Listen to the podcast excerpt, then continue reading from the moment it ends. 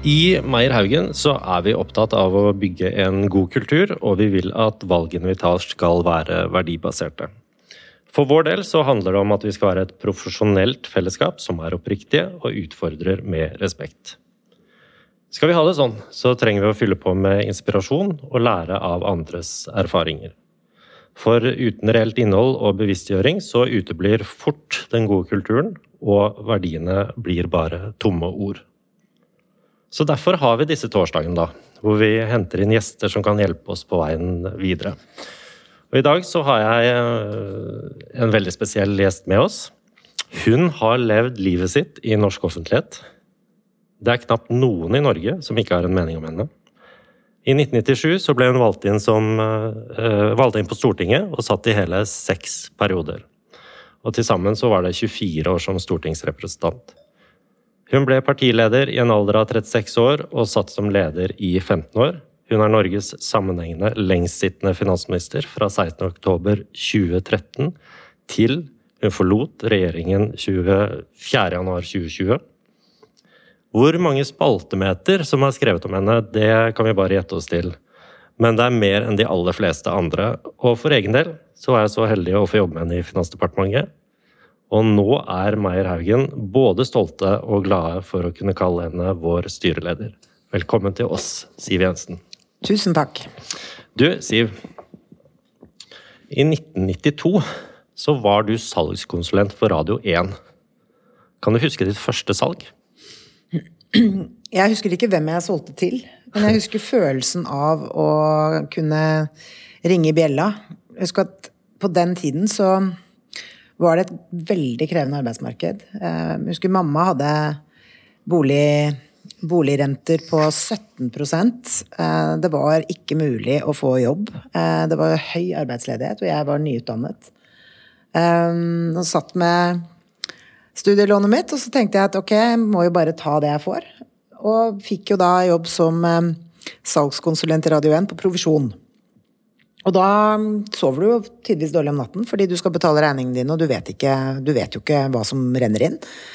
Eh, så da er det jo bare å stå tidlig opp og, og lære seg triksene og selge. Så mm. det var en stor glede første gang jeg solgte, solgte ja. Mm. Ble du en god selger? Ja, jeg ble det. Mm. Eh, og jeg husker også at jeg på et tidspunkt eh, For da, da, hadde jeg en ganske bra portefølje og solgte bra, og da gikk jeg til sjefen min og så sa jeg at hvis du vil at jeg skal være lykkelig på jobb, så må vi lage en avtale sånn at jeg kan i hvert fall få litt fast lønn. Uh, og det fikk jeg. Ja. Jeg tar med det som et tips. du, jeg har lyst til å begynne med tiden eh, din som finansminister. Og eh, da bare må jeg male et bilde her. For Finansdepartementet det ligger jo i den gamle regjeringsbygningen. ikke sant? Veggene er av en meter granitt. Det er fem meter under taket. Dørhåndtakene er i uglemotiv. Og på finansministerens kontor så henger det Munch-maleri. Det mangler ikke på ærverdighet i Finansdepartementet. Og innenfor så sitter Norges tøffeste byråkrater. De som sier nei før de sier hei. Og de er eh, harde forvaltere av våre felles penger. Kan du huske hva som gikk gjennom hodet ditt de første dagene i finansministerstolen? Jeg husker det veldig veldig godt, jeg. Eh, men jeg husker aller best følelsen da jeg skulle gå inn ehm, og overta roret etter Sigbjørn Johnsen. For det er jo veldig sånn ærverdig, denne nøkkeloverrekkelsen hvor hele den gamle ledelsen står linet opp, og så takker de av, og så går de ut, og så er du på en måte finansminister. Og da det Da går du rett inn i, den store finansministerens møterom, og der sitter alle toppbyråkratene, altså alle avdelingssjefene, ekspedisjonssjefene og finansråden og din egen politiske ledelse. Og det føles jo som de sitter på Det føles som et sånn ti meter langt bord, fordi det er så overveldende førsteinntrykk. Og da skal du egentlig allerede med en gang eh, ja, ganske raskt begynne å ta beslutninger, da. Jeg husker at jeg fikk eh, en bunke med dokumenter som var Jeg vet ikke. Den var nok halvannen meter eh, omtrent i høyde. Og med en litt sånn beskjed om at dette bør du komme deg gjennom så fort som mulig. Og så skulle vi jo rett i gang, fordi det var ikke noe hvileskjær her. altså Det var ikke sånn at du kunne gå hjem og glede deg litt over at du hadde liksom blitt finansminister. Eh, da skulle vi lage det som heter tilleggsnummeret til statsbudsjett, fordi den avgåtte regjeringen, Stoltenberg-regjeringen, hadde jo etterlatt seg et statsbudsjett i Stortinget som vi arvet, på en måte. Mm. Og det ville jo ikke vi ha. Så vi måtte da Vi hadde bare noen få uker på oss til å gjøre endringer i det. Um, og det har jo nettopp nå eh, Støre-regjeringen gjort med, med Solberg-regjeringens avgåtte budsjett. Så du har en innmari kort tid på deg, og så må du tenke hvordan skal jeg få satt mest mulig eh, stempel på det på den korte tiden, for en budsjettprosess er veldig omfattende. Og det var jo blant annet da vi fjernet arveavgiften. Eh, det er noe med å rive av plasteret, gjør mest mulig med en gang. For vondt kommer det til å gjøre for noen. Altså, kjeft får du samme da. Og jeg husker at den diskusjonen, dette kan jeg si nå, den diskusjonen jeg hadde med regjeringskollegaene mine på det tidspunktet, det var hvor, hvor hardt skulle vi rive av plasteret. Ja. Jeg mente vi skulle rive hardt, fordi kjeft kommer vi til å få uansett. Og da tenker jeg at når du, når du får kjeft, gjør heller mest mulig med en gang. Får den samme kjeften. Eh, men jeg fikk ikke gjort så mye som jeg egentlig ville gjort, da. Nei. Så det var, sånn var de første dagene. Det var rett på. Men opplevde du sterk motstand fra byråkratene? Både og. Jeg vil si at de var veldig godt forberedt. De hadde lest regjeringsplattformen de hadde lest eh, eh, egentlig alle både Det var jo Høyre- og Fremskrittspartiregjering på det tidspunktet, mm. men de hadde jo også fått med seg hva Kristelig Folkeparti og Venstre mente som var samarbeidspartier. Så de hadde navigert seg ganske godt inn i Selv om ikke Jeg vil ikke si de er veldig gode politikere. Eh, det er, det er embetsverket ikke. Men de var godt forberedt. Mm. Visste på en måte hvilken kurs eh, regjeringen la an. Uh, og jeg vil si, selv om de er liksom, beryktet for å være tøffe og harde, alt mulig, så hjelper de jo statsråden sin. Ja, de har tross alt respekt for uh, flertallsstyret. Ja, ja, de, og de hjelper til, men de, du får jo motstand noen ganger hvor de sier at uh, er dette så lurt da, statsråd? og da er det noen ganger Vi gikk jo noen runder, det var jo noen boksekamper. Ja. Men til, til, syvende og sist så er det jo finansministeren som bestemmer. jeg sa jeg vil ha det sånn, mm. ja, men det går ikke. Alt går gå tilbake og finn løsning. Og det kom alltid opp med en løsning. Ja. Du, og over hovedinngangen til Finansdepartementet så er det jo meislet inn teksten 'enighet gjør sterk'. Mm. Eh, og vi som kjenner departementet fra innsiden, vi vet jo at det er et sterkt fellesskap der. Mm. Hvor viktig ble det fellesskapet for deg? Du, jeg savner jo ikke politikken i det hele tatt. Men jeg skal innrømme at jeg savner menneskene i Finansdepartementet. For det var fantastiske, både trivelige folk, flinke folk, lojale folk. Um, um, så jeg savner det. Ja. Det må jeg innrømme. Men var det, var, du, du, var jo så vidt inne på det, men var det episoder hvor du ble skikkelig frustrert over embetsverket? Ja. Fortell. Nei, men vi hadde jo jeg, jeg, kan jo ikke fortelle alt. Dette er jo sånn som jeg ikke har lov å snakke så mye om. Men hvis jeg kan si det litt sånn runde vendinger, da, så husker jeg vi hadde en budsjettkonferanse eh, hvor vi måtte ja, finne noen løsninger. Jeg sier det på den måten. Um, og hvor de var så steile. Og da husker jeg at jeg var, jeg var, ikke, jeg var ikke bare frustrert, jeg var rasende. Fordi vi hadde, vi hadde veldig liten tid igjen, og vi måtte finne løsninger. Og jeg oppfattet at de bare obstruerte. At det var liksom ingen vilje til å hjelpe til. Så da kokte det over. Da husker jeg at jeg smalt, og det gjør jeg veldig sjelden, men da smalt jeg hånda i, bordflate, i bordflaten og sa at nå er det faktisk nok. Er det dere, eller er det jeg som er finansminister? Da ble det stille, og så fant vi en løsning. Bra. Diplomatisk måte å si det på. Nei, men da hadde jeg prøvd alt, alt diplomati i forkant. Og det, når det ikke nyttet lenger, da var, det, da var, det, jobben å skjære igjennom. Og det er jo dessverre sånn det er, da. Når du er leder, så må du skjære igjennom når eh, ikke noe annet fungerer. Mm. Men du, apropos det, altså på motsatt ende av den skalaen, så opplevde jo jeg at du så hver enkelt eh, medarbeider i og rundt eh, Finansdepartementet. Enten du var livvakter, du var forværelse, du var saksbehandlere eller statssekretærer fra andre partier enn ditt eget. Var du bevisst på det? Ja, ja, jeg var nok bevisst på det, men det er jo litt sånn jeg er, da. Altså, jeg, mm. jeg, mener jo at ledelse handler jo ikke om deg. Ledelse handler om de rundt deg. Du gjør god ledelse hvis de du jobber med, får blomstre, får, eh, altså blir sett, får anerkjennelse og respekt. Jeg mener det er, det er så grunnleggende at hvis du tror at det å lede og være sjef handler om deg, da har du misforstått ganske dramatisk. Kloke ord.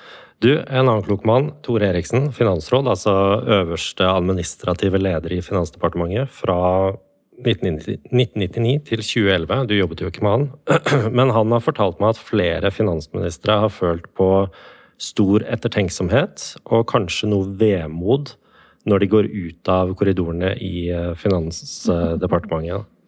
Hva tenkte du da du som avgått finansminister gikk gjennom eh, gangene på vei ut? Da, da vi forlot regjeringen, så var jeg eh, Da hadde jeg tatt et valg om å gjøre det.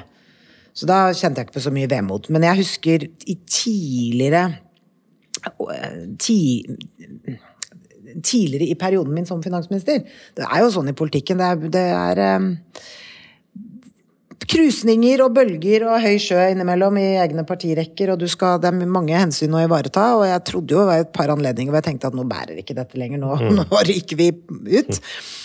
Og da kjente jeg på en sånn eh, nesten angstfølelse, for det, jeg var ikke klar for det. Jeg hadde mer å utrette, og jeg skulle ikke ut av regjering.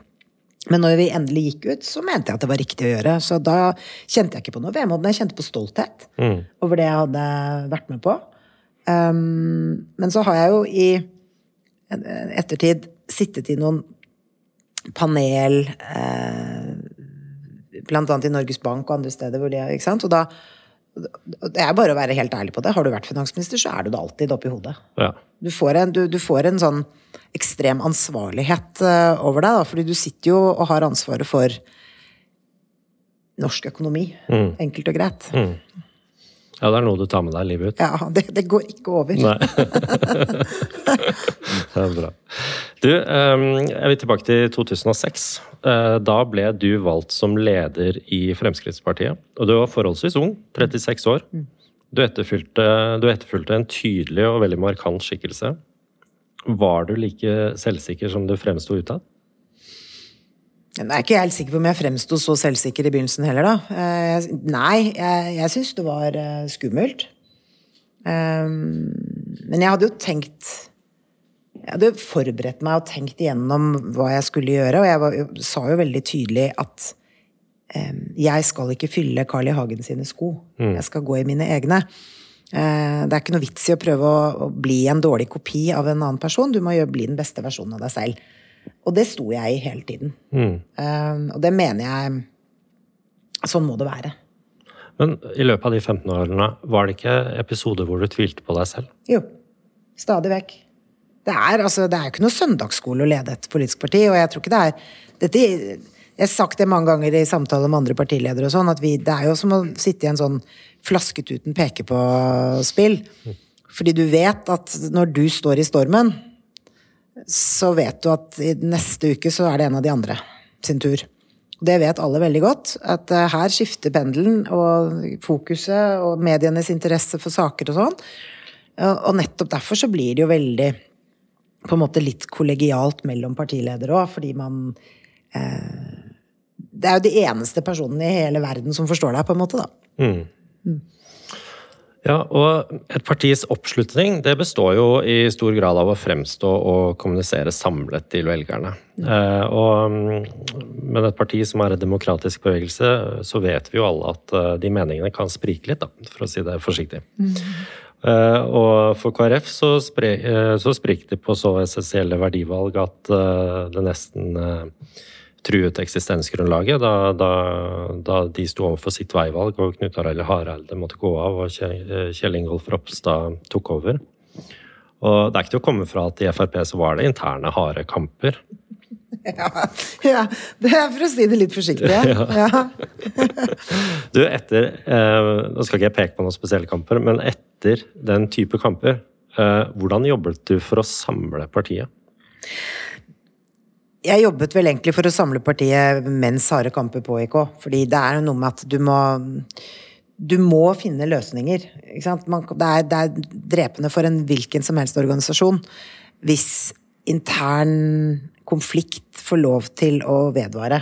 Så man må få tatt tak i det og, og rydde opp i det. Og da må man jo både finne ut av hva som har forårsaket det, hvem som står bak det. Ofte i politikken så er det jo ikke nødvendigvis eh, et dårlig arbeidsmiljø eller dårlig lønn. Altså, det har jo ikke noe med det å gjøre. Det er jo helt andre ting. Det er jo personlige interesser og maktkamp og ofte veldig stygge virkemidler. Um, og da handler det jo om å uh, nøste i det og finne ut av hvor kjernen til problemet ligger, og så er det det der med å holde fiendene sine veldig nært. ja. Vet ikke om det er et tips vi skal ta med oss inn i kulturen vi skal bygge internt i selskapene. Nei, det er jo derfor jeg sier at det er litt forskjell. Fordi at eh, politiske partier er litt annerledes enn eh, jeg tror eh, en hvilken som helst bedrift. Selv om altså Hvis man først får internhygieniske problemer i en bedrift, så må man ta tak i det. Altså, det tror jeg det er noe universelt over. Og det kan skje. Det kan være mange grunner til det. Det kan være en dårlig mellomleder, en dårlig leder, det kan være hva som helst. Mm. Um, men jeg tror at man må Det er derfor jeg ville bli styreleder i Meierhaugen. Det er fordi det er et selskap med fantastiske verdier som jeg deler. Og jeg har i hvert fall så langt ikke sett tegn på noe annet enn at det etterleves i organisasjonen. Og det er jo det man må være tro mot de verdiene man står for, og, og la det smitte over på alle ansatte. Alle må kjenne på den samme begeistringen og respekten og eierskapet til det, da da, det er jo da, da får man en utrolig god internkultur og vilje til å lage altså Få resultater og ja, løfte i flokk, rett og slett. Og det må man jo gjøre. Mm. Nei, Høyst subjektivt så kan jeg bekrefte at uh, det bildet du tegner, det stemmer, da. Så bra. Ja. men, um, men, du, følte du noen gang at det var sånn som partileder at nå står jeg bare på skuta, og det er bare medvind? Nei. Um jeg har tenkt mange ganger at jeg skulle ønske det var litt mer medvind. Altså, det vil si at det var litt lengre perioder med fred. Fordi det var sånn at Jeg husker jeg sa det til meg selv mange ganger òg, for det var sånn at jeg trakk en sånn lettelsens sukk når eh, det var fryd og gammen og smult farvann. Men jeg bare visste at det tar ett sekund, og så brygger det opp til storm igjen. Um, så sånn er det bare. Så jeg, jeg har hatt min andel av det, så nå tenker jeg at jeg skal prøve å styre unna det. Ja. ja Sigbjørn Aanes, eh, stabssjefen til eh, Erna Solberg, da han gikk av, så sa vel han noe sånt som at det er alltid en sak å håndtere. Mm. Mm. Og det er helt riktig. Ja. Men du, når det alltid er saker å håndtere, hvor er det du henter støtte da? Og da tenker jeg kanskje mer sånn Altså på bakrommet. Altså punkt én så har jeg jo en veldig nær familie. Og det er jo, ikke sant Selv om jeg ikke alltid kunne fortelle hva jeg sto i, så er det allikevel et sted å gå. Bare for å altså, krabbe opp i altså, jeg, ble, jeg, blir aldri for gammel til å krabbe opp i fanget til mammaen min. Det er et veldig godt sted å være når det mm. blåser litt eh, rundt øra på deg, bare for å få pustet ut litt. Mm. Så handler det om å ha lojal, gode, lojale medarbeidere, men med det så mener ikke jeg folk som bare snakker deg etter munnen. Jeg mener folk som jeg stoler på, og som gir deg gode råd, fordi de av og til sier at nå er du helt på viddene, Siv. Det der må du ikke gjøre. Og at man da kan få innspill og sparre og diskutere og komme frem til løsninger som ender opp med å være gode. Da. Mm. Mm. Du, um, vi snakket jo om noen av spørsmålene i, for, i forkant av denne samtalen her, men uh, jeg kunne ikke unnlate å snakke med noen av dine tidligere statssekretærer heller. Uh, og da ble det snakk om det å være utenfor komfortsonen. Uh, og det ble bl.a. nevnt en episode hvor du sto på scenen og sang Svensktopper med Olivars. Selvsagt måtte den komme. Mm. Tusen takk for det. Jeg skal takke vedkommende. Mm. Du, eh, hvor god er For øvrig så er det et fornøyelig klipp av akkurat den seansen. Ja, men da hører du også at det er, jo, det er jo en grunn til at ikke jeg er artist. Ja, jeg syns du gjorde det habilt, jeg. Ja, det er. men du, eh, hvor god er du på å være utenfor komfortsonen? Det tror jeg har blitt ganske god på. Jeg tror jeg har vandret utenfor komfortsonen eh, siden jeg gikk inn i politikken. Mm. Så nå er jeg vel på full fart inn i komfortsonen igjen, føler jeg. Altså, selv om jeg utfordrer meg selv nå ved å gjøre, ta, gjøre, ting som jeg ikke har gjort før, så er det jo allikevel, eh, jeg vil si, betydelig roligere. Og i, kontrollerte former, det jeg driver med. I motsetning til hvordan det var. ja. Så akkurat det å være utenfor komfortsonen, det kan jeg. Bra. Men du, jeg har også lest om deg at uh, du egentlig ikke hadde en spesiell hjertesak i politikken. Stemmer det? Altså hvis, hvis, hvis det er sånn at jeg var opptatt av eldreomsorg eller skole, så hadde jeg ikke noe hjertesak. Men jeg har alltid vært opptatt av at um, man skal finne gode løsninger for de som faller utenfor. For da får man et bedre samfunn. Og det er, det er et ganske kompleks um, saksområde, da. For det er jo alt mm. fra at du, du, ikke får helsehjelp når du har behov for det, til at du ikke får barnehageplass når du har behov for det, til at du um, har hatt et rusproblem eller psykiske lidelser eller hva det nå måtte være. Det er veldig sammensatt. Uh, men det er en rå sløsing med menneskelige ressurser i vårt samfunn når vi mm. ikke klarer å finne løsninger på det der. Og det er jo en av de tingene jeg har snakket veldig mye om i den korte tiden jeg har rukket å være i Meierhaugen. Mm. At uh, det passer med verdiene i dette selskapet. Ja. Du, jeg har også lyst til at eh, du skal ta oss med bak, eh, litt mer bak kulissene i politikken. Fordi for den jevne velger så, så, ser vi jo kanskje bare de steile frontene, de skarpe debattene og de, liksom de heftige ordskiftene, og der er det gjerne eh, adjektivbruk i negativ forstand. Eh, men det er jo en helt annen virkelighet bak, egentlig. Du nevnte jo så vidt dette med kollegialiteten innenfor, eh, mellom partilederne. Men kan du fortelle litt mer om den tverrpolitiske kollegialiteten og det fellesskapet som faktisk er i Stortinget? Jeg har sagt veldig mange ganger at det er noe av det fineste med det norske demokratiet. Og vi skal ta vare på det, for det er ikke sånn i alle Jeg tror nesten ingen andre land har det på den måten. Ehm, det er en sånn hva skal jeg si grunnleggende respekt for at selv om, altså selv om du har en stortingskollega som representerer det rake motsetningen av deg selv, du er generelt uenig med vedkommende i absolutt alt, så deler man én felles ting. Og det er et engasjement fordi man ønsker å gjøre ting bedre. Det har man jo til felles. Det er bare at vi har ulike svar på virkemidlene for å gjøre ting bedre, da. Og det er jo det vi diskuterer. Mm. Men så er det jo sånn at um, for veldig mange um, politikere så handler hverdagen om å være lenge borte fra familie, f.eks. Veldig mange representanter pendler. Og det er ikke dagpendling, det er ukependling, eller av og til lengre mellomrom enn som så. Eh, og det blir mye ensomhet, og det kan skape personlige tragedier og konflikter. Og det har jeg sett gjennom mine år i politikken, at det er, det er ikke alle som har klart seg. Og det går på kryss og tvers. Eh, og så får man jo selv av og til en smell.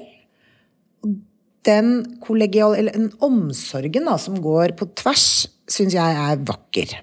Det at man går og gir hverandre trøstende ord, støtter opp. Mm. Eh, og det er litt igjen det der flasketuten peker på. Det, det alle får. Mm. det, er, det, er, nok skandaler til alle. Den, den, peker til slutt på deg? Ja da. Og du må, må, liksom, må, ikke gå rundt og tro at du ikke blir truffet av disse tingene selv. Alle blir truffet på en eller annen måte. Mm.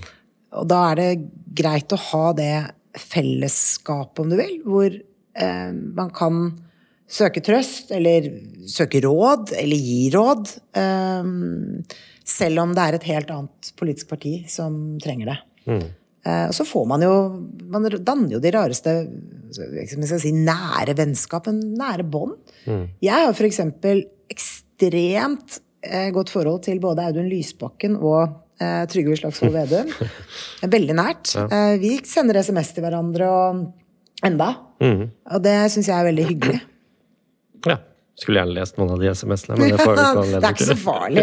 Nei, det, tåler, det, tåler, å stå på ja. førstesiden av VG. Ja, det regner jeg med. Ja. Er det mye emoji-bruk? Det er testen, vet du. Tåler det førstesiden av VG. Det snakker man ofte om i politikken. Ja, ikke sant. Det er bra. Så du pleier fortsatt kontakt med, med noen politikere?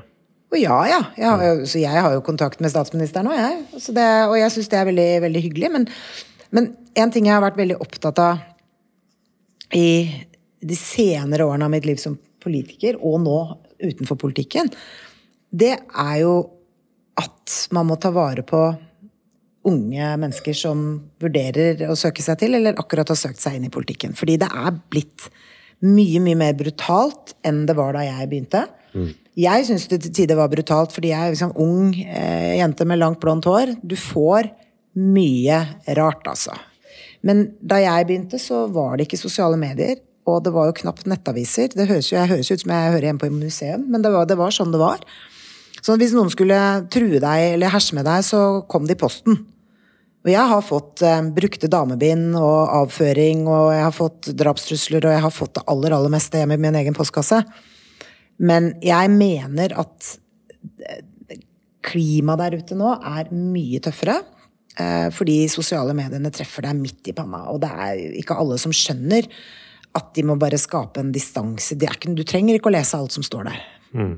Du ser ok, jeg får min dose med dritt nå.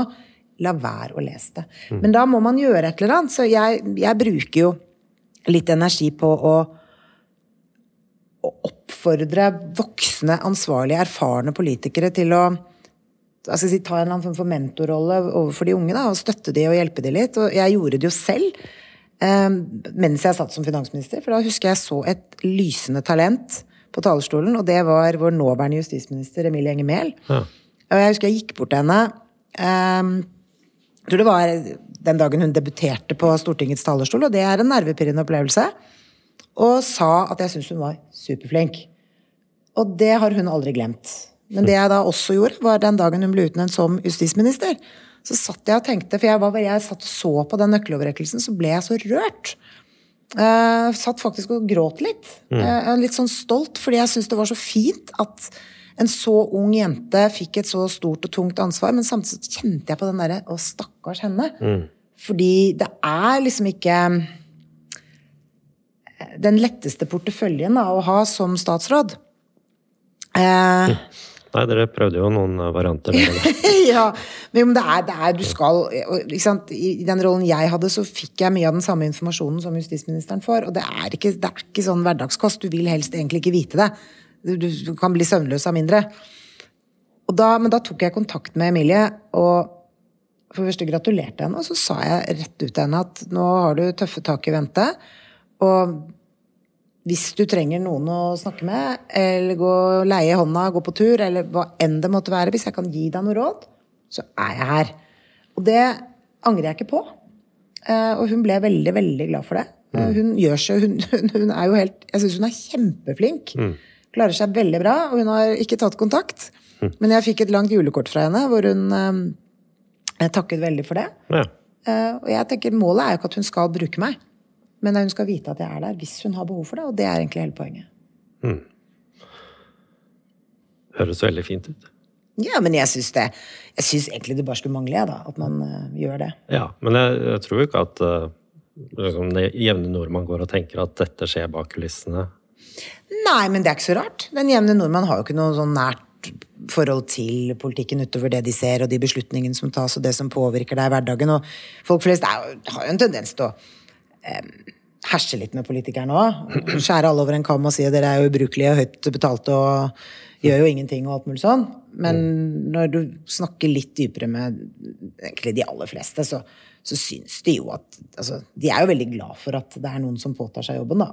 Ja. Med å styre og lede landet. Vi trenger jo det, og det er derfor jeg er opptatt av å støtte opp om ungdommen. fordi hvis etterveksten inn i norsk politikk avtar, så er det en risiko for vårt eget demokrati, og det vil vi ikke sette på spill. Og apropos det å styre landet. Eh, I, et, I, en samarbeidsregjering så er, det jo, så er det jo selvfølgelig gi og ta, ikke sant. Og det er eh, sikkert harde kamper på bakrommet. Eh, men for å fortsette litt sånn bak kulissene, er det noen konflikter som spilles ut for åpen scene som er planlagt? Ja. Ja. Det er klart det er. Ja. Men det har jo ofte sammenheng med at eh, ett parti har behov for en synlig markering, f.eks. Eh, hvor det da kan være nyttig eh, å spille ut en avtalt konflikt, eller eh, fordi da får man synliggjort veldig mye bedre hva saken handler om, og hvor, hvor harde tak det tross alt er. Men jeg vil si at i aller fleste situasjoner så er det, eh, det er en kamp på tørre møkka, altså. Ja. ja. Du, det er fristende å spørre om journalistene som skriver den type saker, eh, skjønner hva de skriver om. Jeg skal ikke spørre ja, det, om det. Men det gjør de jo. ja. de, er, de, er, jo mest opptatt av spillet, ja. Journalistene. Ja, ja. ja og Carl I. Hagen kalte jo tidvis NRK for ARK, altså Arbeiderpartiets rikskringkasting. Uh, og det er vel ikke til å komme unna at det er ganske mange politikere som opplever såkalt biased reporting. Um, selv om for egen kjøl så tror jeg neppe norsk presse er, de, er skyldig i de groveste overtrampene her, men eh, med så mange mikrofoner stukket opp under nesa på deg, har du noen ganger kjent på at det har vært utfordrende å beholde respekten for journalistene? Ja. Og jeg har vært i situasjoner hvor jeg har uh, rett og slett driti meg ut, for å si det på godt norsk. Fordi du mister hodet selv. For du, blir, du er så presset, og du syns det er så ubehagelig. Du står og håndterer uh, møkk. Og så får, blir du bare presset inn i et hjørne av en sånn hyeneflokk med Jo, men det er jo sånn de oppfattes for deg der og da, ikke sant? Så det er bare ekstremt ubehagelig. Og jeg har opplevd, jeg, at jeg har mistet hodet helt. Eh, og det har jeg jo angret bittert på i mm. ettertid. Så nå vet jeg bare én ting jeg har lært, eksempel. Det er ikke ha adhoc pressekonferanser.